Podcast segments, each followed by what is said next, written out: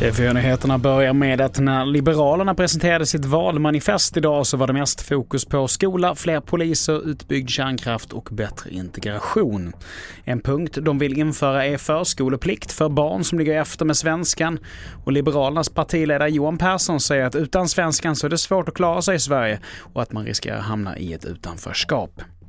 Vidare till att Moderaterna föreslår att staten går in och betalar delar av hushållens elräkningar i vinter när elpriserna väntas skena. Det ska ske genom ett högkostnadsskydd likt det som finns i Norge idag. Och så här sa statsminister Magdalena Andersson om det här förslaget. Vår utgångspunkt är att stötta de som har de minsta marginalerna som är pensionshöjningen nu. Eh, vi har stöttat barnfamiljer och också stöttat de som drabbas hårdast, till exempel vad gäller elpriserna eller om man behöver ta bilen till jobbet. Men också viktigt att säga, vi kommer ju aldrig kunna kompensera för varje prishöjning som nu kommer med anledning av eh, kriget i Ukraina. Och till sist, kunderna har återvänt till SAS efter att pilotstrejken avslutades. Det rapporterar i alla fall Flysmart 24. Försäljningen har nu skjutit i höjden av biljetter och i Norge är man uppe på samma nivåer som innan pandemin. Fler nyheter hittar du på tv4.se. Jag heter Mattias Nordgren.